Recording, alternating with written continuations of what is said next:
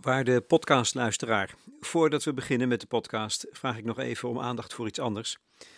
De correspondent zoekt nieuwe medewerkers. Het is een levendige bedoeling. Sommige vacatures zijn inmiddels ingevuld, maar er zijn er ook weer een paar bijgekomen. Dus heb je zin om een rol te spelen bij ons platform voor constructieve journalistiek of ken je zo iemand? Kijk dan even in onze vacaturebank. Decorrespondent.nl/slash vacatures. Dank, dank. Dan kunnen we nu starten.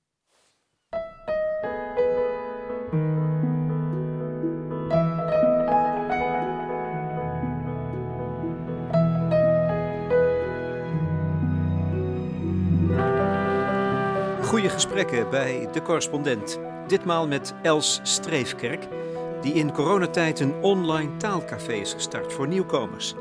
Vertel eens. Goed je te zien. Ranja, kom binnen.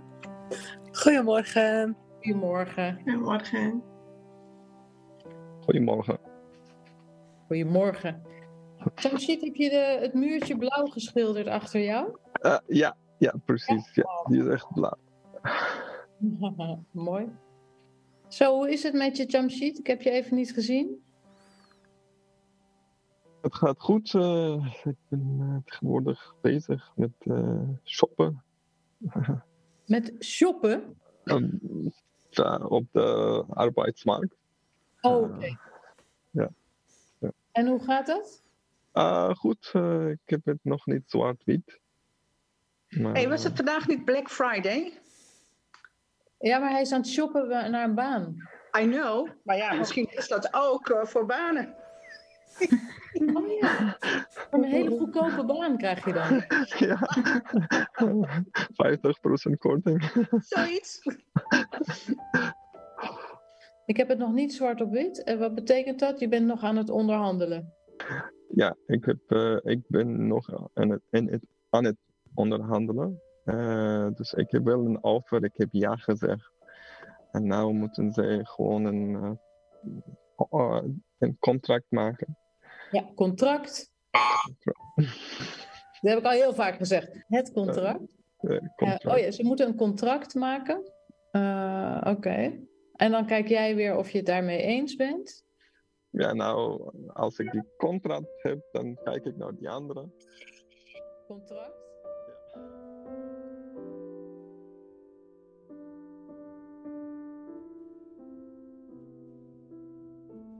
Het feit dat er geen uh, stichting of een school of iets anders achter zit, maar het gewoon een persoonlijk initiatief is, dat dat deel is van uh, ja, het succes ervan. Alles kan je aan me vragen en ik ook aan hen. Ik kan alles aan alle deelnemers vragen van hoe zit dat dan? Ben jij echt uitgehuwelijkt? Daar wil ik eigenlijk alles van weten. Ja, dat, dat willen we allemaal van elkaar weten. En zij willen ook weten hoe ik dan vroeger met mijn vriendje zomaar naar Spanje ging met een oude Lada. En hoe dat dan kon en wat mijn ouders daarvan vonden. Ik bedoel, ja, dat gebeurt niet op een school. Of dat, uh, dat uh, het persoonlijke maakt het tot een succes.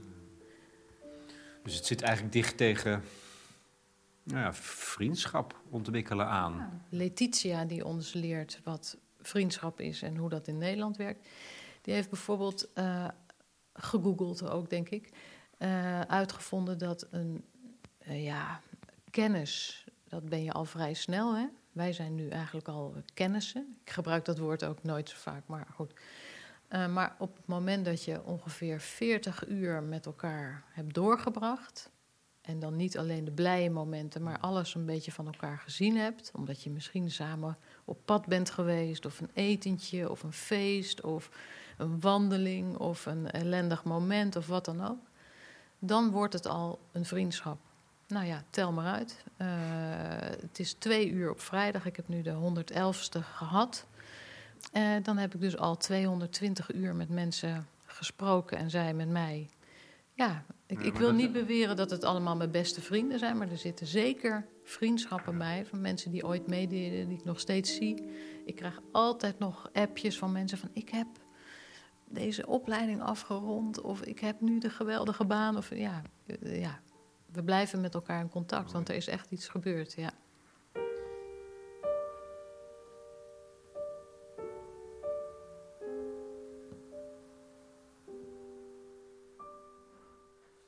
Els Streefkerk is van huis uit muziekdocent. Ze geeft pianoles. Haar online taalcafé Vertel eens is een kleinschalig en persoonlijk initiatief gericht op hoogopgeleide nieuwkomers, zeg statushouders of mensen met een vluchtelingenachtergrond.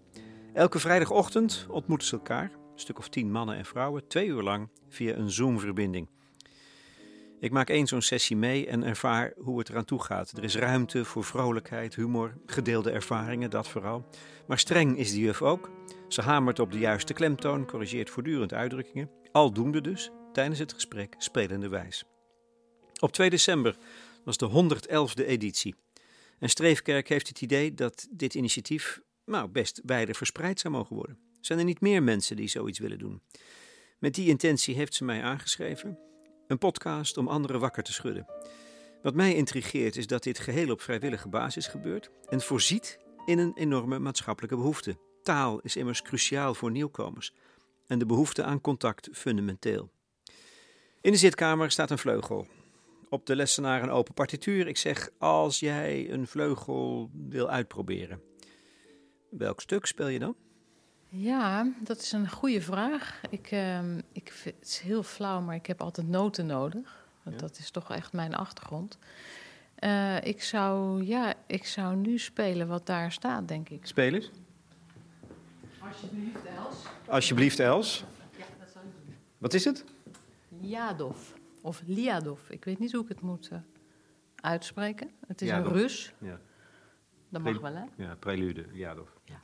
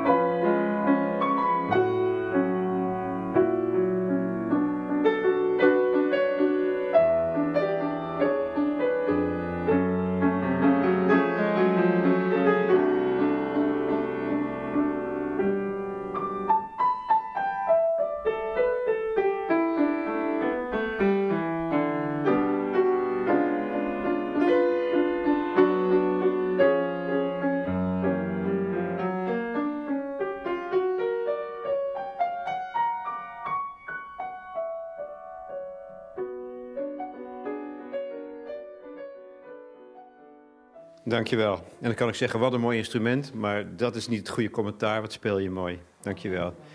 En ik heb natuurlijk echt een ongelofelijke blunder begaan net. Hoezo? Door tegen jou te zeggen, speel eens.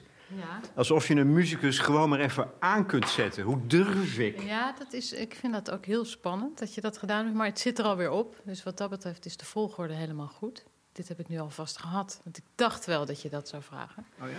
En eh, eigenlijk noem ik mezelf ook helemaal geen muzikus. Dus dat maakt het nog spannender. Ehm, ik ben echt een muziekleraar. Eh, en daar ben ik ook heel trots op. Want ik kan echt iets wat iemand anders niet kan. Maar als je zegt speel eens wat, dan... ja, dat zit er altijd wel. Ja, ik vraag het niet voor niks natuurlijk. Hè? Niet alleen om jou eh, dwars te zitten, maar vooral om... Jij geeft namelijk ook taalles. Notabene op vrijwillige basis, maar je hebt het ook professioneel gedaan. En zou het, omdat jij muzikus bent, ik, ik noem je dan toch even zo, bepaalt dat misschien toch ook wel heel erg jouw omgang met taal en zoals je taal eh, les geeft? Ja, ik denk, ehm, ja, ik geef dus op dit moment ook nog en pianolessen en taallessen. En ik vind dat die lessen eigenlijk steeds meer op elkaar gaan lijken. Het heeft heel veel van elkaar. Ehm, taal en muziek hebben veel van elkaar. Eh, het gaat natuurlijk bij muziek en bij taal om ehm, ja, het verhaal dat je te vertellen hebt. En het maakt eigenlijk niet uit. Ook al ben je altijd bang dat je foutjes maakt, heb ik dus ook net. Als ik moet spelen, denk ik, oeh, geen foutjes maken. Ehm, maar het gaat om je verhaal. Het gaat om de muziek die je vertelt. En uh, dat is bij uh, Nederlandse spreekvaardigheid ook. Dus bij de, het online taalcafé Vertellers. Uh, daar gaat het er ook om dat je vertelt wat je op het hart hebt, zeg maar. En dat je daar aan de hand daarvan meer van de taal gaat houden, meer gaat durven. En je taal op die manier ook verbetert. Ja, ik, ik, ik was bij één les en dan valt mij ook op dat je eigenlijk ook heel muzikaal denkt. He, dat je aan de aanwijzingen die je geeft zijn bijna muzikaal. Ja, het is heel auditief. Het gaat, je spreektaal is sowieso natuurlijk weer heel anders dan Nederlandse geschreven taal. En het Nederlands zit vol met uitdrukkingen. En het Nederlands is moeilijk uit te spreken voor mensen uit andere culturen. Dus de nadrukken goed leggen, de accentjes, of, uh, ja, de, die zijn eigenlijk heel belangrijk. En dat is in muziek ook zo. Ja. ja het faseren, hè? Dus, ja. Dus, ja, maar daar letten we nooit op, toch? Daar gaat het nooit over. Ja, en het gaat er juist wel om dat je, dat, dat je die nadruk goed legt. Ik had bijvoorbeeld afgelopen vrijdag zei iemand uh, in de vertellers, toen ze terugkwam van de pauze, we hebben altijd een kwartiertje pauze, toen zei ze: Ik heb in deze periode de was opgehangen. en dat klinkt hartstikke mooi, maar het, ja, het woord periode klinkt als een soort ja. uh, era, zeg maar. Dat duurt eindeloos. Dus dan vertaal ik dat even naar um, spreektaal. En wat zeg je dan? Ik heb net even de was opgehangen. Dus dat schrijven we dan ook op, want het gaat om de spreektaal. Ik heb net even de was opgehangen en dat klinkt gewoon goed en dat verstaat ook iedereen. En dan zegt niemand, uh, wat spreek jij slecht Nederlands? Want dat gebeurt vaak als mensen nieuw zijn en eigenlijk de taal ongelooflijk goed al beheersen. En uh, een vocabulaire hebben waar veel Nederlanders uh, niet aan kunnen tippen, bij wijze van spreken. Dan zijn Nederlanders toch vaak in staat om te zeggen van... ja, je spreekt niet zo goed Nederlands, omdat dat accent erin zit. Of het tempo niet helemaal goed is. Of de nadruk op de woorden, maar ook de nadruk in de zin. Ja. Bijvoorbeeld als iemand geen zin heeft, dan zegt hij: Ik heb tegenzin. Maar dat versta je niet zo goed en het komt niet aan. Je moet echt zeggen: Ik heb tegenzin. En dan komt ja. het uit. Dus ja, de relatie met muziek is heel groot. En je bent genereus, vond ik. Je overlaat ze met het complimenten misschien wel, maar vooral het, het, het besef: jullie spreken voortreffelijk Nederlands.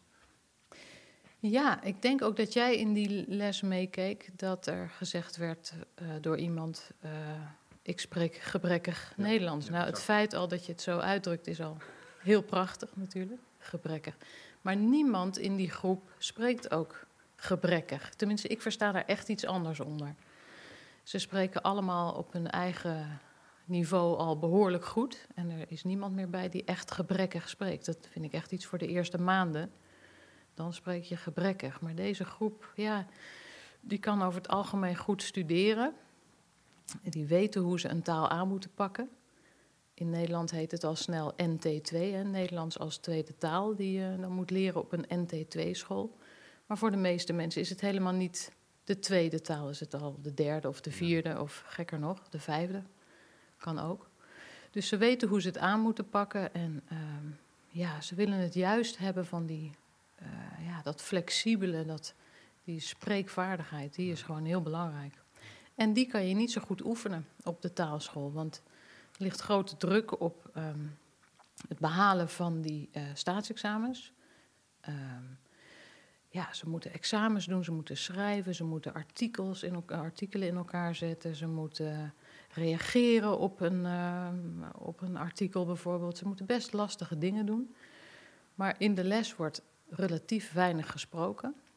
En dat maakt ook dat vertellen ze een soort klein gat in de markt is. Ze willen heel graag dat oefenen. Ja, wat jij vooral oefent, dus is ook zelfvertrouwen. Door te zeggen van jullie, onze hou op met jezelf gebrekkig te noemen. Ja. dat is ook zo. Zelfvertrouwen is enorm belangrijk. Fouten maken is heel belangrijk.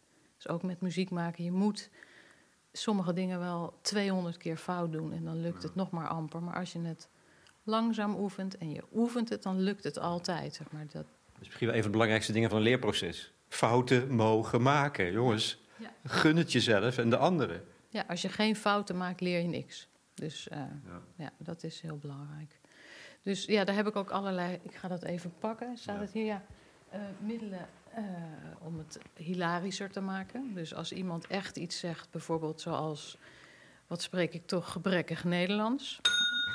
Dan druk ik even op de bel en dan eh, denk ik: wauw, dit is echt een hele mooie zin. Of nou ja. Ehm, ja, en af en toe dan oefenen. Dus, we. dus je doet het niet bij fouten? Nee, Ja, nee, nee. Ja, die ga ik zo pakken. Oh. kijk of ik die snel kan pakken. Ik heb een verschrikkelijke buzzer met ehm, drie batterijen onderin uit een spelletjesdoos. En eh, als je daarop drukt, dan zak je door de grond. En, dan is het fout. En die gebruik ik ook graag. Eh, ja, voor de grap natuurlijk. Als iemand eh, drie keer achter elkaar zegt... ik krijg een nieuw contract. Dan zeg ik nee, contract. Contract. Want dan versta je het beter, contract. En hij zegt even later weer contract en dan nog een keer contract. Dan is het toch wel leuk om even op die knop te drukken. En dan, ja, dat is gewoon de grap. Je moet veel eh, humor zien van taal en ook de overeenkomsten met je eigen taal. De verschillen met je eigen taal. En lachen om je fouten en dan leer je het.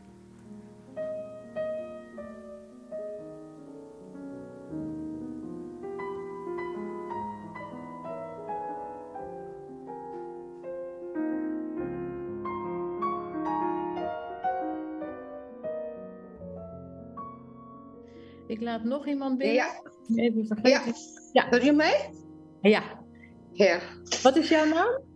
Mijn naam is Fatiha en Ryan is de naam van mijn kind. Oh ja, je zit lekker op de laptop van je kind. Ja.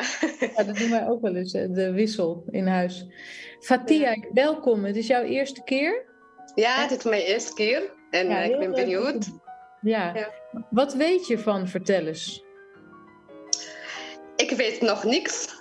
Oké, Maar- dus, eh, dat komt goed uit. Dan ga ik vragen aan eh, Mara of zij misschien eh, wil uitleggen wat het precies is. Eh, volgens mij vertellen ze is eh, ja, praten in uh, Nederlands leren met plezier. Die je niet er- ja, in elke plaats kan vinden. Om eerlijk te zeggen, want ja, Els, het is zoals persoon geweldig en ook zoals docent. Ehm, Ja. Ja. het is niet alleen voor, eh, ja, de, want ze hier is. Maar ja, ik hou van haar echt met hart en ziel. Oh, dat, maar ach, lieve Mara. eh, Ja, dus ehm, hè? iedereen, en iedereen zijn echt heel ehm, ehm, open eh, en eh, spontaan. Wij delen soms onze eigen ervaringen, onze eigen verhaaltjes.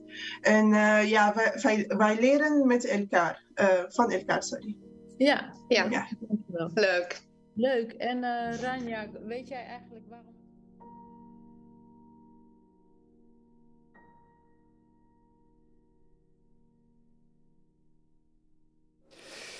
Dit is een persoonlijk initiatief voor jou. Vertel eens. Notabene, ehm deze dagen, ongeveer deze dagen, al de 111e aflevering. Ja.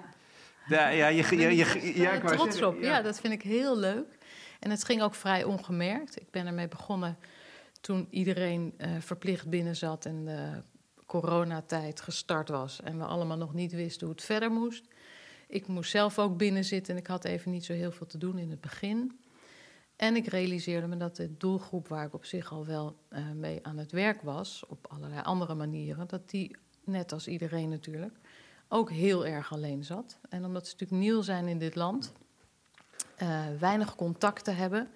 En het eigenlijk al moeilijk is om eh, met je buren in contact te komen, bijvoorbeeld. Of eh, ja, met, hoe doe je dat in Nederland? Het is echt best lastig. In Nederland lastiger dan in andere landen? Eh, ja, ik denk dat in Nederland en misschien wel in het noorden van Europa dat het lastiger is dan in Italië, om maar wat te noemen, of in Spanje. Dat denk ik wel. Waarom? Waarom?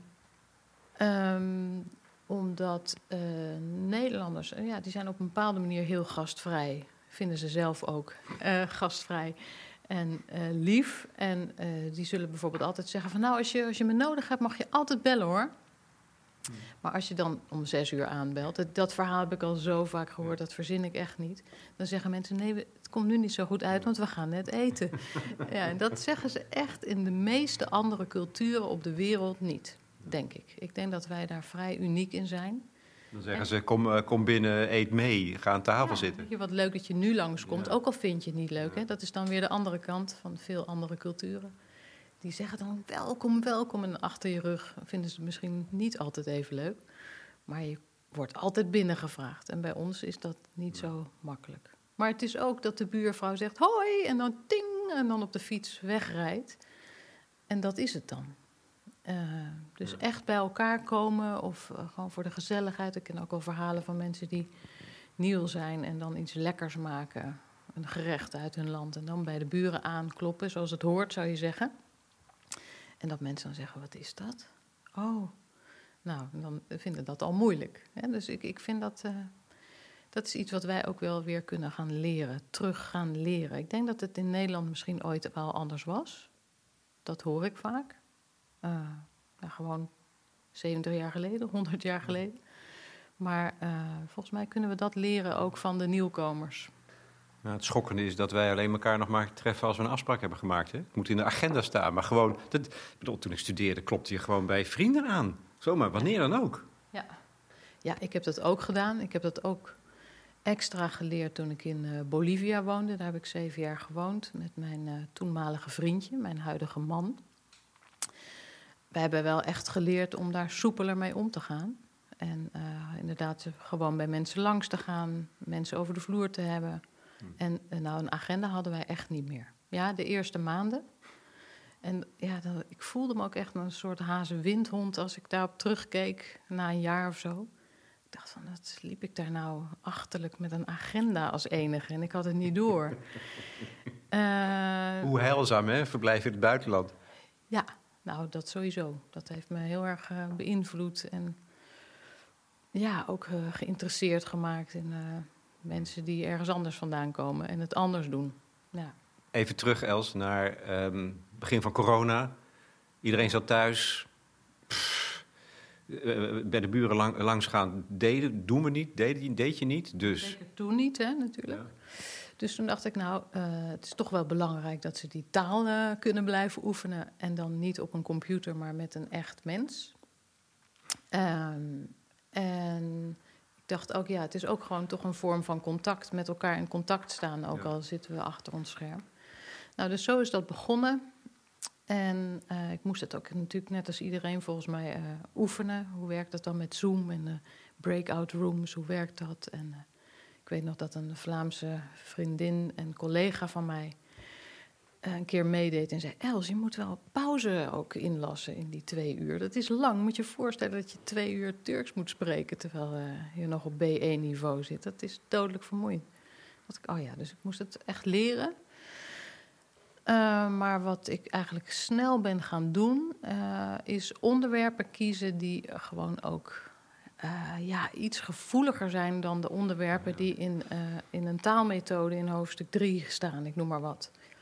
Dus het gaat natuurlijk vaak over naar de markt, naar de supermarkt, eh, transport, familie. Ja, dat, dat zijn ook onderwerpen waar je mee moet beginnen, die heb je ook nodig. Dus ik wil zeker niet het, het NT2-onderwijs afkraken, want je hebt dat nodig en mensen leren daar heel veel. Maar er mist wel iets. En je kunt het ook hebben over vriendschap bijvoorbeeld. Wat is dat? Is dat nou in alle culturen hetzelfde? Of is het toch wel heel lastig om in Nederland ook vriendschappen te maken? En eh, nou, dan vraag ik bijvoorbeeld een expert erbij. Een Italiaanse vriendin, eh, Letitia, heb ik al een paar keer mogen vragen. Die woont hier al 25 jaar en die heeft ons van alles uitgelegd over hoe Nederlanders omgaan met vriendschap en hoe zij daarmee om is gegaan toen ze hier nieuw was. Nou, dat is heel. Ja, mensen hangen aan haar lippen op zo'n moment. En wat is dan eh, typisch voor ons in vriendschap? En anders dan anders? Ik geloof dat zij, zij had eh, informatie bij elkaar gegoogeld en gevonden dat, ja, of het waar is, weet ik niet hoor, Lex, maar eh, eh, dat de Nederlander gemiddeld drie vrienden heeft die op een afstand van eh 2,5 kilometer van hem of haar wonen. En dat eh, dat jarenlang zo blijft. Ja, dat klinkt al niet heel rooskleurig en hoopvol voor de nieuwkomer, want hoe kom je aan die twee mensen? Dat is lastig. De agenda, wat je net zei, is ook lastig. Dus nou, zij had allerlei tips. ehm, zo van, ja, realiseer je dat als je iemand tegenkomt waar het niet meteen mee klikt, stop ermee. Ga daar niet meer in investeren. En zorg dat je goed bent in small talk bijvoorbeeld. Dus dat je de goede vragen stelt. Hmm. En dat het persoonlijk is wat je vraagt. Eh, waardoor je sneller ja, bij de kern van iemand komt. Dat, dat is juist wel. Dus je moet het juist persoonlijk maken ook, de contacten. Ja, dat doen we bij Vertellers ook heel erg. Het gaat ook echt om de persoonlijke verhalen waardoor je zin hebt om te vertellen, over de streep getrokken wordt om dat te doen. Ja, omdat het dus ook, begrijp ik, het, is, het gaat verder dan taalles, het is cultuurles, inwijding in de cultuur. En, en je mag jezelf zijn. Eh, Het gaat over wie je bent eigenlijk. En, Ja. en is dat dan het geheim van jouw eh, Ja, nou, ik serie? denk eigenlijk drie dingen. Het is ehm, inderdaad fouten mogen maken, lol kunnen hebben, genieten van de taal, waardoor je, een, eh, ja, waardoor je goed kan leren, zeg maar. Je- waardoor je het makkelijker opneemt en onthoudt. Het is dat zelfvertrouwen. eh, ehm, en het gaat ook om het echt contact hebben. En dat krijg je natuurlijk doordat je persoonlijke verhalen deelt met elkaar. Die kunnen ontzettend geestig zijn en ook eh, af en toe heel verdrietig of chockerend. En het gaat ook om eh, toch een beginnetje maken aan een netwerk. Dus ja, als je nog niemand kent, dat weet ik ook van toen ik net begon in eh Cochabamba. Ik kende helemaal niemand en ik wist ook niet waar ik moest beginnen. En op een gegeven moment was daar een violist, Hans Schepers. En die deed van alles met jonge eh, violisten en die gaf les. En die was heel fanatiek en die kwam er twee keer per jaar of zo, ik zeg maar wat. En toen dacht ik, die man moet ik hebben. Was weliswaar een Nederlander, maar ik had die man nodig om ergens ook een voet tussen de deur te krijgen, zeg maar. En eh, ja, het was nog niet zo eenvoudig, maar ik realiseerde me op dat moment van je hebt dat soort eerste contacten nodig. En dat is ook leuk aan vertellen, is dat ik af en toe iemand uit kan nodigen die vertelt over een bepaald onderwerp, waardoor eh, zo na afloop ook zo iemand weer iets beter kennen. En ook dan stimuleer ik ze ook om na afloop even te linken op LinkedIn en ja, hun eigen netwerk wat groter te maken. Want daardoor lees je over elkaar en blijf je een beetje betrokken. En de Nederlanders die dan eh, gast zijn geweest, die vinden het eigenlijk ook vaak wel leuk. Want die hebben niet eh, heel veel Jemenieten of ehm, eh, ja, Ira Iraniërs of Irakezen in hun netwerk meestal. Dus het, ja, het snijdt heel erg aan twee kanten. En jij hebt echt alle talen van de wereld eh, in je, in je klas. Ja, veel eh, Arabieren, maar ook een eh, Cubaanse doet wel eens af en toe mee. En een Thaise. En er zijn best veel Turken die nu meedoen. Dat is het denk ik wel. Ehm, ja. En ik heb ook altijd een Nederlandse nog erbij. Mijn lieve Annelies, die is eigenlijk nou, net zo trouw in vertellen als ik, zeg maar. Die komt, eh, ik denk dat zij al 80 keer heeft meegedaan. En dat is ook heel fijn om er nog een extra native speaker bij te hebben die eh, ja, gewoon af en toe je even kan eh, corrigeren of iets over kan nemen als je mensen binnenlaat online en aantekeningen maakt. Er gebeurt soms heel veel tegelijk. Dat is heel fijn. En zij heeft ook de gave om altijd even die persoonlijke touch eh, toe te voegen, waardoor anderen weer over de streep getrokken worden om te vertellen.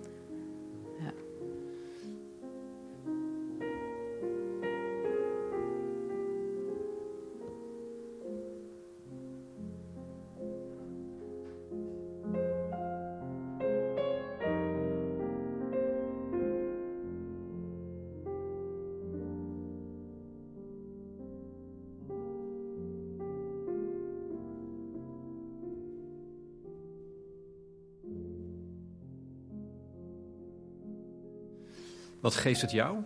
Want hè, eh, dit heb je, doe je al twee jaar. Nogmaals, tweeënhalf jaar. Iedere vrijdag. Nou, dat vind ik echt heel bewonderenswaardig. Het- Nogmaals, het is, het is je eigen initiatief en eh, je verdient er geen stuiver mee. Dus wat, wat, wat, wat, wat, wat, krijg je ervan? Eh, ja, ik krijg er ontzettend veel van. Ehm, het is altijd, ik, ik heb er altijd zin in op vrijdag. En eh, altijd als het afgelopen is, denk ik: zo hé, dat was weer echt bijzonder. Het was echt een, eh, leuke, leuke sessie en eh, mooie verhalen. Ja, het is. Ik, ik, ik- je hoort- contact. Je hebt is- contact gewoon ja. met mensen. ja, het zijn gewoon het zijn mensen die veel meer op jezelf lijken dan je misschien ooit dacht. En dat, dat geldt ook voor hen. Hè. Vaak begint de vertellers met ja, maar wij, Arabieren, ja, maar jullie, Nederlanders. Maar aan het eind van die, twee uur speelt dat niet meer en lachen we om elkaars dingen. Oh, dat komt heel vaak ook tot uitdrukking in uh, uitdrukkingen bijvoorbeeld. Als uh, wij zeggen dat het gras groener is bij de buren, dan zegt een Afghaan, geloof ik, zoiets als uh, dat de buurvrouw mooier zingt. Dan, ja, en dat is natuurlijk hartstikke leuk om van elkaar te leren. Dus dat soort praktische dingen leer je van elkaar ja, over landen leer je veel, over culturen, over vlaggen, over, nou ja, ik kan het echt niet allemaal opnoemen. Um, en wat mij enorm inspireert, is de doelgroep. En dat gaat eigenlijk gewoon vanzelf. Mensen die mij vinden, die zitten in die doelgroep. En dat zijn eigenlijk zonder uitzondering allemaal enorm doorzettende, krachtige mensen. Die gewoon bij nul begonnen zijn. En alweer zo ver en uh, ja, met de taal, maar ook vaak met opleidingen en met een, nog even een kind gekregen tussendoor. Of, uh, ja. Uh, er speelt natuurlijk ontzettend veel. Het gaat meestal niet heel goed met deze mensen. Dat is natuurlijk niet helemaal waar, maar over het algemeen is het een groep waar, ja, die gewoon heel veel aan hun hoofd heeft. Ja, die, die worstelt eigenlijk. Ja, het is uh, verdriet, het is eenzaamheid, het is de frustratie uh, van de taal, maar het is ook de frustratie van hoe Nederland en Nederlanders vaak met ze omgaan, het onbegrip. het is angsten soms, het is missen. Ja, dat zijn heel veel grote thema's. Ja, maar dat, dat betekent ook dat jij dat onder ogen moet durven en willen zien. Je moet het willen aanhoren, anders zou het nooit kunnen natuurlijk. Ja. Jij moet die bereidheid hebben.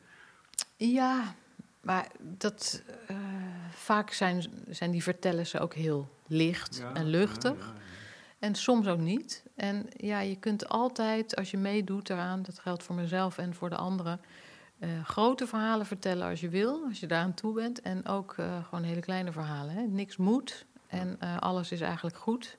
Maar omdat er toch zoveel gedeeld wordt, merk je ook dat mensen ja, onderling ook wat met elkaar krijgen. En dat is echt een verschil met uh, als mensen naar de taalschool gaan. Dan zitten ze ook bij elkaar, maar dan hebben ze ook allemaal diezelfde shit met uh, ja, het missen, de taal, het wonen, het niet begrijpen, angsten, noem maar op. En dan hebben ze vaak niet zo heel veel met elkaar ook. Ze willen niet altijd tussen de vluchtelingen zitten. Dat snap ik wel eigenlijk. Dat wil je niet. Maar omdat deze sfeer die opgeroepen wordt bij vertellers eigenlijk zo anders is en zo open en zo grappig vaak, uh, ja, hebben mensen ook meer behoefte aan om elkaar dingen te vertellen en elkaar te kennen. Ja, en van het een komt ander. Dan ga je ook op een gegeven moment uh, de behoefte hebben om elkaar eens een keer in het echt te zien. En dat gebeurt dus ook? Dat gebeurt ook. Ja. En dat is best bijzonder, want uh, ja, het zijn mensen overal vandaan. Uit Budel, uit uh, Heerlen, uit uh, nou, overal. Uh, en soms pakken ze ook echt de trein om dan mee te wandelen op een zondagmiddag in Amsterdam. En dat is natuurlijk ook superleuk. Maar de grap is dat je kan, als je iemand voor het eerst ziet, kan je denken: Oh, die is veel langer dan ik dacht. Wat grappig, dat is echt een grote vent. Dat wist ik niet. Dat zie je dan online niet. Maar eerlijk gezegd is dat het enige wat echt choqueert. En verder ken je elkaar echt best wel goed al. Dat is zo bijzonder. Dus ik, ik merk wel eens als ik mensen vertel uh, dat ik dit doe en vraag of ze een keer uh, iets zouden willen vertellen, bijvoorbeeld. Dat ze zeggen: Ja, ik had het gisteren nog eh, via de uh, chat met iemand. Die zei: Ja, ik hou toch meer van live. En denk ik: Ja, ik ook. Maar in de vertellers maakt het eigenlijk niet uit, vind ik.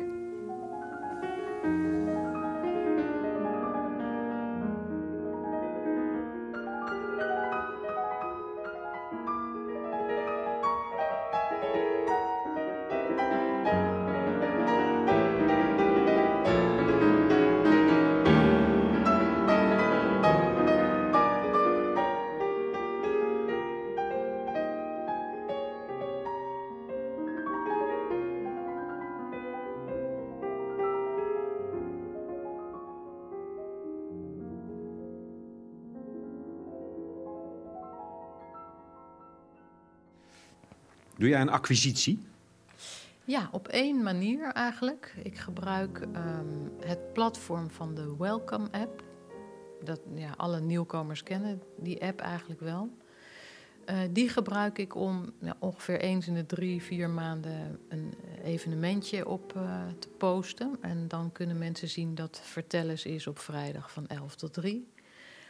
En dan kan je ook aangeven hoeveel deelnemers je wilt. Uh, en nou, dat gaat dus eigenlijk heel vanzelf. Het kost mij ook niet heel veel tijd en dat gaat prima. En daar komen eigenlijk altijd fijne mensen op af. Ik heb eigenlijk nooit uh, iets uh, meegemaakt waarvan ik denk, hmm, dat was niet leuk. Ook verschillende niveaus, maar dat maakt niet uit. Dus vaak zijn er mensen die moeten echt nog over de drempel en die moeten echt nog zinnetjes maken en keihard. Je hoort ze ja. nadenken, zeg maar, tijdens het praten. En anderen zijn al een stap verder, maar dat maakt niet zoveel uit. Dus ik uh, hou B1 en B2 niveau lekker bij elkaar. Dat gaat eigenlijk prima. Je hebt dit tot een, succes, een persoonlijk succes gemaakt. Vertel eens. 111 keer en uh, je gaat nog vrolijk door. Um, dat heeft denk ik, vermoed ik dan toch, met twee uh, talenten van je te maken. Eén is dat, hè, dat je pianoles geeft. Dus je weet wat lesgeven is. Dat is al een ding. En, en muziek maken.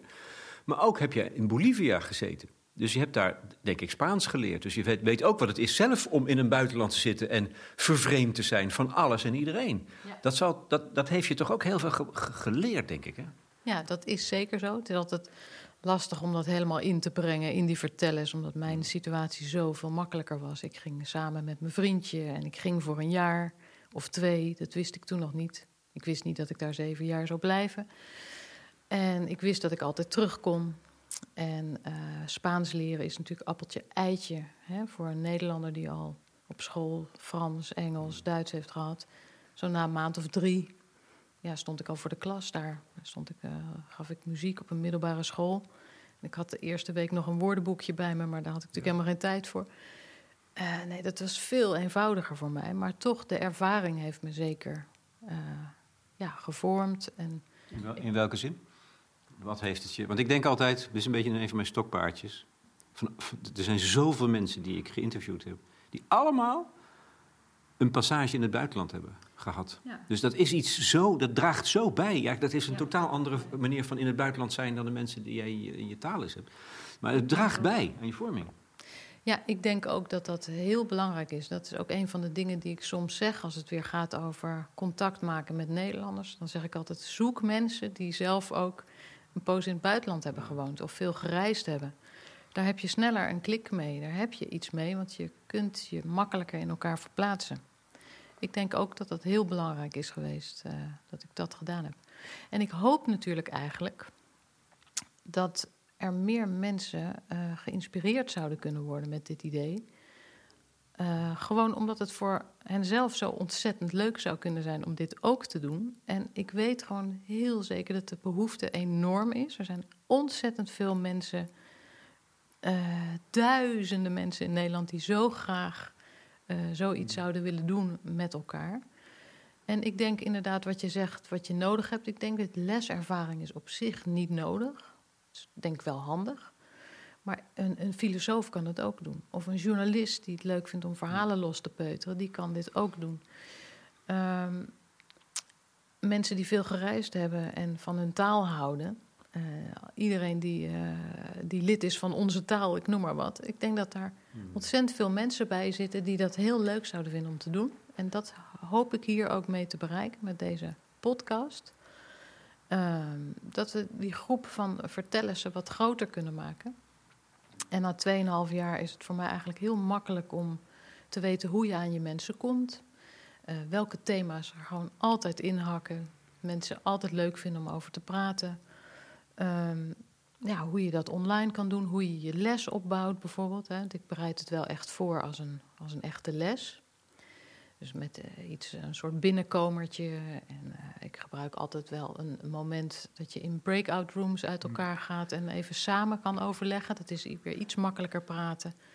En als je dan weer bij elkaar komt, dan neem je dat even door van wat, uh, wat heeft Els nou aan Lex verteld en wat heeft Lex nou aan Els verteld. Dan moet je weer, hè, dat is didactisch ook slim om het zo te doen en ook leuk ik gebruik eh, quotes, ik gebruik soms een liedje, ik gebruik poëzie. Ik ben ook veel meer van poëzie gaan houden. Om nog even, daar ben ik heel blij om. Ja, nou, dat vind ik grappig. Ik denk dat ik dat ook van vertellers heb geleerd. Ehm, In poëzie zit muzikaliteit. Hè? tuurlijk, ja. Eh, ja, gevoel. Eh, het gaat om hoe je iets op papier zet. En dat heb je dus geleerd in, in vertellers. Ja, omdat ik kwam erachter eigenlijk dat eh, sowieso in het Midden-Oosten speelt poëzie een veel grotere rol. En ook bij mannen, dat vind ik zo leuk. Maar hier is het toch een beetje kinderachtig. Het zijn eerder vrouwen die wat uh, blokkerrijmpjes maken bij wijze Ik ben dol op poëzie, hè? Ja. Ja, oh, leuk om te weten. Ja. Ik moest het echt leren. En, ehm, ja, en nu zoek ik altijd even iets ergens bij. En dan leer ik daar natuurlijk zelf ook weer hartstikke veel van. Dus, eh, Maar je zegt, je wil het eigenlijk uitrollen. Hè? Het is een persoonlijk initiatief. Nou, pff, laat het maar als een olievlekje over Nederland eh, groter worden. Maar de- je hebt dus een methode, zeg je. Maar dat is, dat is iets wat mensen kunnen, van jou kunnen leren of zo. Of jij hebt die, die, dat ligt klaar. Of moeten ze jou bellen? Wat, wat is het? Meedoen een keer? Ja, ik denk, eh, ik denk een combinatie. Ik denk dat het heel goed is als ze een keer meedoen. Eh, en ik kan natuurlijk heel makkelijk online een keer een training geven... waarin ik inderdaad die principes uitleg.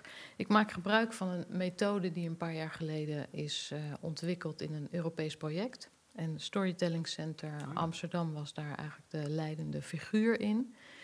En dat project is er, of dat is eh, afgerond en, in, in de vorm van een toolkit die voor iedereen beschikbaar is. En die heet Alternative Ways. Alternative Ways to Learn a Language. Tussen haakjes. En eh, die methode is ook helemaal gebaseerd op eh, plezier in leren. Eh, het tweede is eigenlijk gewoon durven. Hè? Dus gewoon, hoe zeg je dat? Een veilig klimaat hebben, denk ik. Ja, dat zo. Oh, je drukt op mijn belletje, maar ik kom nu juist even niet zo goed uit mijn woorden. Ehm, nee, het gaat dus ook om eh, het zelfvertrouwen, dus dat je het durft te doen. En het gaat over alle communicatieve vaardigheden eh, die je maar in kan zetten om het beter te maken. Het heeft soms zelfs met lichaamshouding te maken, lichaamstaal. Het heeft met eh, digitale techniekjes te maken. De methode is eigenlijk ontwikkeld voor mensen die kort geschoold zijn, zoals ik dat tegenwoordig zeg. Een maand geleden gaf ik een training in Alternative Ways aan ehm, eh, bijna twintig Belgen. En van hen heb ik geleerd dat je niet moet zeggen laag opgeleid en hoog opgeleid of laag geletterd. Maar eh, kort geschoold en lang geschoold. Dat klinkt eigenlijk veel beter, want dat is wat het is. Hè. Heb je de kans gehad om te leren in je leven of niet? En die methode is dus eigenlijk ehm, gemaakt, ontwikkeld voor mensen die lesgeven aan eh, mensen die kort geschoold zijn. Maar het werkt dus ook fantastisch in vertellers. Dus ehm, is dat nou antwoord op je vraag? Of, ehm, Nou, de- bijna. Maar eh, praktisch gesproken, als zich nou tien mensen bij jou melden...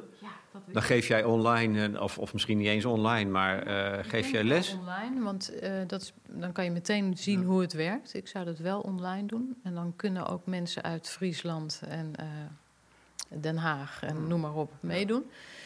Ehm, en ik denk dat ik dan in twee uur al een heel eind ben.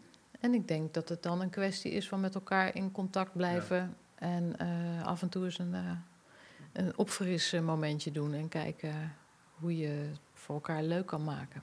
Nou, zeg, ja. Ja, sorry. Ja, het, het leuke lijkt mij dat stel dat er in, eh, dat er in Friesland zo'n vertellersclub is, club, een vertellersgroep, ehm, dat je dan ook makkelijker die wandeling bijvoorbeeld eraan vast kan plakken of de barbecue in de zomer, omdat mensen echt bij elkaar wonen. En dat is eigenlijk mijn gebrek. Daar heb ik helemaal niet over nagedacht toen ik begon, maar dat er echt mensen uit Lunteren meedoen en uit Den Haag. En ja, dat is gewoon moeilijk bij elkaar te brengen. Terwijl die behoefte toch wel ontstaat vanzelf. Dus een soort regionaal, lokaal, dit soort netwerken maken, uitbreiden. Ja, ik, kan me wel, ik, kan me, ik zie het helemaal voor me. Ik ook. En mensen hoeven het niet zo te doen als ik. Dat is ook zo leuk. Wat dat betreft is het ook leuker dan veel vrijwilligerswerk, vind ik. Want je kan het gewoon helemaal naar je hand zetten. Je kan ook denken, ik doe het niet op vrijdag van 11 tot 1. Ik doe het op maandagavond. En dan anderhalf uur vind ik wel genoeg. Prima. Ehm, je kan het ook eens in de twee weken doen. Er zijn allerlei variaties op mogelijk. En ongetwijfeld hebben mensen weer hele andere ideeën eh, om die vertellers mee te vullen dan ik. En dat lijkt me juist heel leuk. Uh, het was echt uh, uh, moeilijk in het begin om gesprek met mensen te, ja, te hebben. En soms je zit met, met anderen, maar je voelt, ja, je bent eigenlijk buiten de circle. Ja. Ja, wat gebeurt er dan? je, je, wil echt heel veel zeggen, maar dat lukt je gewoon niet. Ja, Eh, Je hebt dan niet de middelen Ja, om- om het te zeggen. Dus ben je vaak te laat of je probeert het niet. Of... ja, ja, precies. Denk je dan dat mensen anders naar jou kijken? Zien ze Eh, dan dat, denk ik, dat denk ik wel, want, want eh, ik geloof dat de eerste impressie is heel belangrijk. Dus als je zit met mensen voor de eerste keer, eh, het is heel belangrijk om, eh, ja, om iets over jezelf te vertellen en iets ook, eh, ja, een stukje van jezelf. En als dat lukt niet, dan het wordt gewoon, ja, de interesse wordt minder. Ja, erg hè, eigenlijk. Zo ja, moeilijk. ja, Ja. Je zegt, Els Streefkerk, het is leuker dan vrijwilligerswerk. Ja. Maar het is vrijwilligerswerk. En er zijn natuurlijk ook professionals bezig met taalles. Hoe verhoudt jij met jouw initiatief eh, zich tot die professionals, de bureaus? Noem maar. Ja, ik denk dat een wezenlijk verschil is eh, dat vertellers niet uitgaat van een instantie of van de gemeente of van een taalschool waar weer eh, examens aan gekoppeld zijn. Eh, het is gewoon, ik ben het gewoon. Het is een persoon Ja. die dat doet en die verbindt de anderen. En, eh, en, en we verbinden elkaar. Ja, eh, dat is echt een wezenlijk verschil. Dus het is, ja, ik vind dat bij, bij eh, vrijwilligerswerk, ik werk ook veel met vrijwilligers in ander werk dat ik doe. Maar ik vind dat woord echt vervelend geworden. En, Wat voor werk doe je dan? eh, ja, ik werk bijvoorbeeld bij eh, de stichting Jekalo. En dat is een ehm, stichting voor mensen uit eh, Oost-Afrika. Maar ook Syriërs zijn natuurlijk welkom. En in de praktijk zijn het vooral Eritrese mensen. En eh, ik heb een subprojectje binnen die stichting. En dat heet Habonyatat. En dat staat voor sterke doorzettende mensen. En dat zijn tot nu toe vooral vrouwen die, zich, eh, die, die zichzelf aan het scholen zijn of die een eh, opleiding doen in de zorg.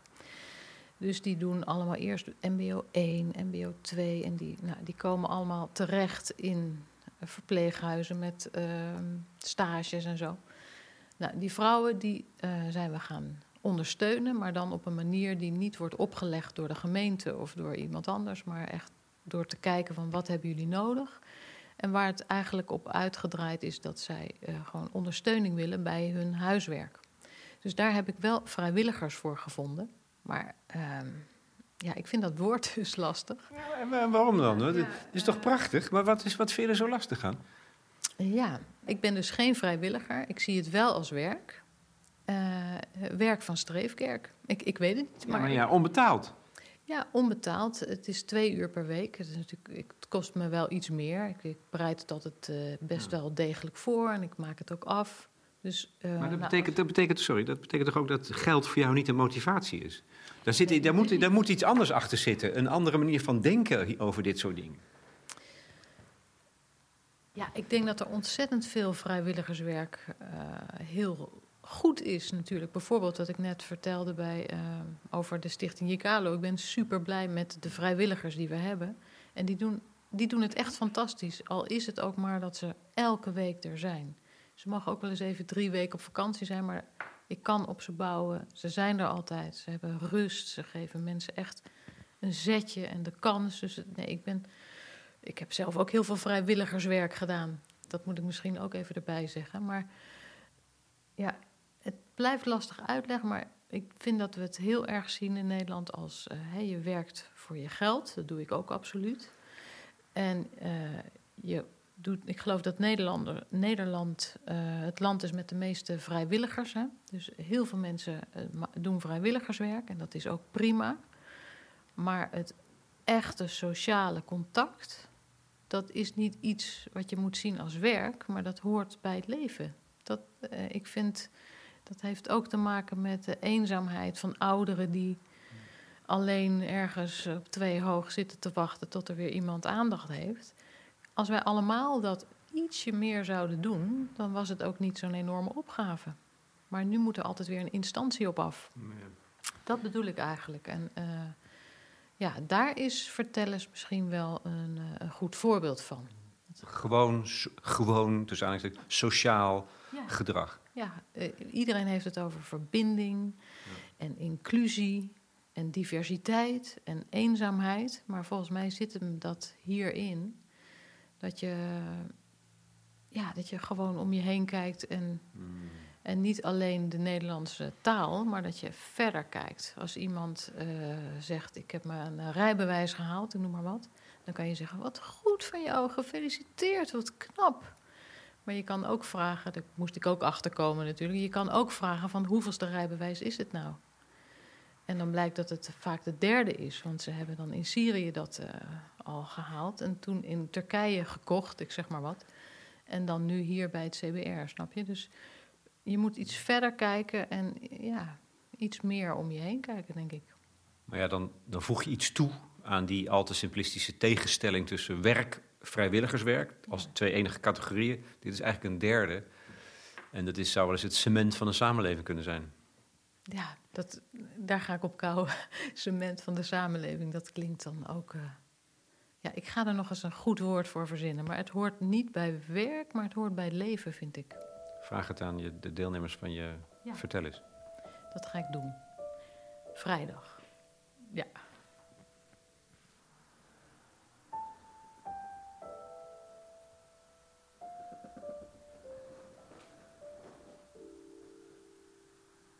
Uh, snap je deze uitdrukking? Een open boek zijn?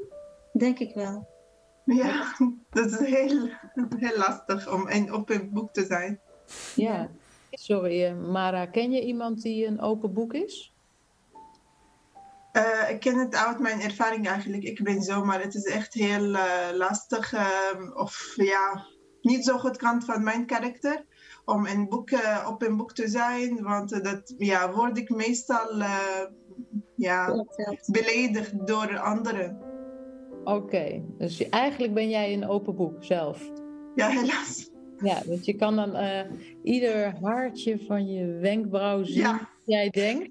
Ik heb dat geleerd van mijn ouders, van mijn hele familie. Ze zijn echt, uh, beschrijven alles ook uh, met de details. Dus ik ben zo opgegroeid, maar ik probeer het om dat te voorkomen. Oké. Okay. Maar je mag best een open boek zijn hoor. Jamshid, ben jij een open boek of hou je liever je mond? Uh, uh, uh, volgens mij uh, dat zijn van mijn eigenschap dat ik uh, probeer open te zijn. Uh, alles over mezelf vertellen, dat vind ik. en dat maakt ook een goede.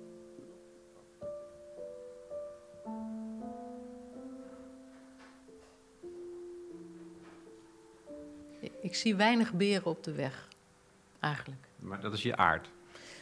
Um, nee, nou, er zijn wel dingen lastiger te organiseren dan dit. Ik zie het wel echt voor me. Ja.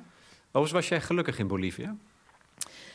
Um, ja, nou, ik, ja, zeker. Ik, heb, ik ben heel blij dat ik dat gedaan heb. En ik heb daar natuurlijk net als hier momenten gekend dat ik heel extreem blij was. En ook uh, dat het minder goed ging.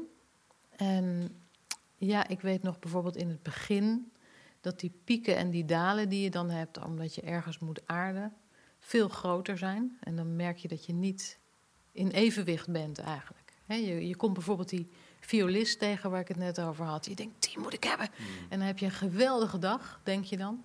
Totdat hij jou helemaal niet opmerkt. En uh, met andere dingen bezig was. Dus even los staat het van deze man natuurlijk. Die wist dat ook niet. Maar dan kan je ook enorm in de put zitten als je een teleurstelling hebt bijvoorbeeld. In het begin ben je gewoon niet helemaal in evenwicht. Ja, omdat je de basis is, is weg. Hè? Je hebt geen basis. basis. Ja, je basis is weg, je vangnet is weg. ja, de taal, je kan helemaal niet zo snel en grappig zijn als je in het Nederlands wel altijd kan zijn. Ehm, ja, dat soort dingen vallen weg en daardoor heb je een soort uh, ja, een disbalans. Overal in Nederland op het ogenblik zijn personeelstekorten. Theatervoorstellingen worden afgelast omdat er geen technisch personeel is. Wij zoeken bij de correspondent mensen. De NS moet treinen opheffen en ga zo maar door. Overal. De zorg, het onderwijs. Het is een enorme nou ja, mankracht, vrouwkracht hebben we nodig. In dat, op, in, in dat opzicht zou het wel eens heel interessant kunnen zijn om te denken over al die nieuwkomers als een enorm arbeidspotentieel. Ja, natuurlijk. En als daar de taal, bijvoorbeeld de taalvermogen, niet bij in de weg zou staan. Ja, ja die discussie die is er al heel lang. En ik denk dat ik nu wel hardop kan zeggen dat we er steeds meer uh, van overtuigd zijn dat je mensen eerder aan het werk moet laten gaan, omdat ze dat ook heel graag willen. En dat ze dan die taal erbij leren heel snel. Net als ik toen in uh, Cochabamba voor de klas ging staan. Ik was 24 en ik, uh, ik wist wat een sombrero was, maar heel veel verder kwam ik nog niet. Maar door dat gewoon te doen, uh, ja, heb ik ontzettend veel en snel geleerd. En ja, ik ken zoveel mensen, ook door vertellers, die nou ja, nog beter Nederlands zouden spreken als ze gewoon aan de slag zouden kunnen. Ja. Dat willen ze ook. Maar wij, hebben, wij hebben ze ook nodig. Uh, als, we niet, als we ons niet een beetje stuk kijken of, of luisteren op dat uh, niet gebrekkige, maar, maar uh, nog niet helemaal affe taalvermogen. Ja, het is echt best.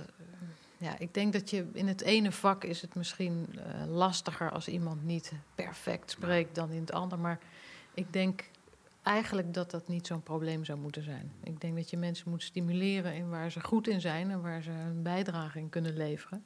Dat maakt ze ook sneller gelukkig en uh, ja, gewild, zeg maar. Dat, ja. Uh, ja. ja. dat is wel apart, hè, dat jij met jouw persoonlijke geweldige initiatief uh, een bijdrage kunt leveren aan de oplossing van een groot maatschappelijk probleem. Ik, zo durf ik het niet te zien eigenlijk, dat ik bij kan dragen aan de nee. oplossing. Maar ja, ik denk het meer contact maken en uh, ja, verder kijken dan iemands accentje of uh, uitspraak. Uh, dat zou wel een hoop helpen, denk ik, ja. Ik vind het voorbeeldig burgerschap, Els. Ja, ik, ik, ik houd daar dan ook weer niet zo van. Uh, er zijn veel dingen waar je niet ja, van houdt. Nee, ik hou niet van vrijwilligerswerk en niet van uh, generositeit, of hoe noem je dat? Maar uh, ja, ik denk wel dat ik echt iets te bieden heb. Dat ja. denk ik wel. Ik heb echt iets bedacht waar behoefte aan is. Maar ik krijg er minstens zoveel van voor terug. Dat is ook echt zo. Speel nog eens. Nee, dat ga ik niet meer vragen. ik hoop dat ik een klein beetje een rol kan spelen in het uh, verspreiden van jouw, jouw initiatief. Dankjewel. Ik wil jou ook bedanken dat je hier aandacht voor hebt. Tussen alle grote wereldthema's door. Heel fijn. Dankjewel.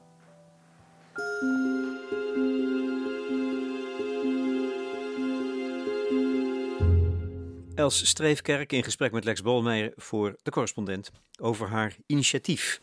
Vertel eens, online taalcafé. Heb je belangstelling? Zou je het zelf willen doen? Je kunt je aanmelden op haar website of meedoen alvast met een gesprek bij de correspondent. Els is gaarne bereid om in te gaan op jullie vragen, commentaren. Onze zogeheten bijdragesectie staat daarvoor open. Tenminste als je lid bent. En je bent al lid voor negen tientjes per jaar. Daar krijg je dan een jaar lang kwaliteitsjournalistiek voor, voorbij de baan van de dag. En dan de muziek. Ik gebruik de pianomuziek van Monpau, Catalaanse componist, die uitblonk in eenvoud, maar dan wel weer gespeeld door een van de absolute grootmeesters aan de vleugel, Arkadi Vodolos. En natuurlijk die prelude van Jadov, door Els Streefkerk zelf. Vertel eens, Alice. Speel eens.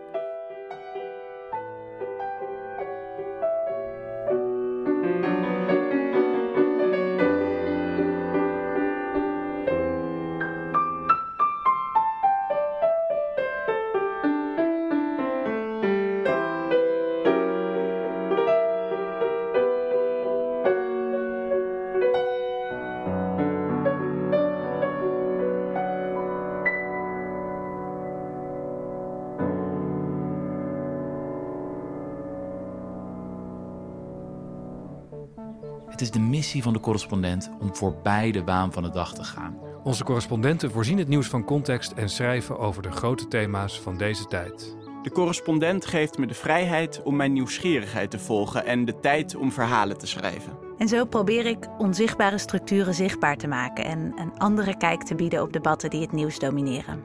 Dan gaat het minder over het spelletje en veel meer over wat er op het spel staat. Vanaf dag 1 zijn onze artikelen, boeken en podcasts gefinancierd door onze leden. Volg ons op onze journalistieke zoektocht. Overweeg eens lid te worden van de correspondent. En maak daarmee samen met ruim 70.000 anderen onze onafhankelijke journalistiek mogelijk. Dus word lid van de correspondent. Ja. Word lid. Word lid.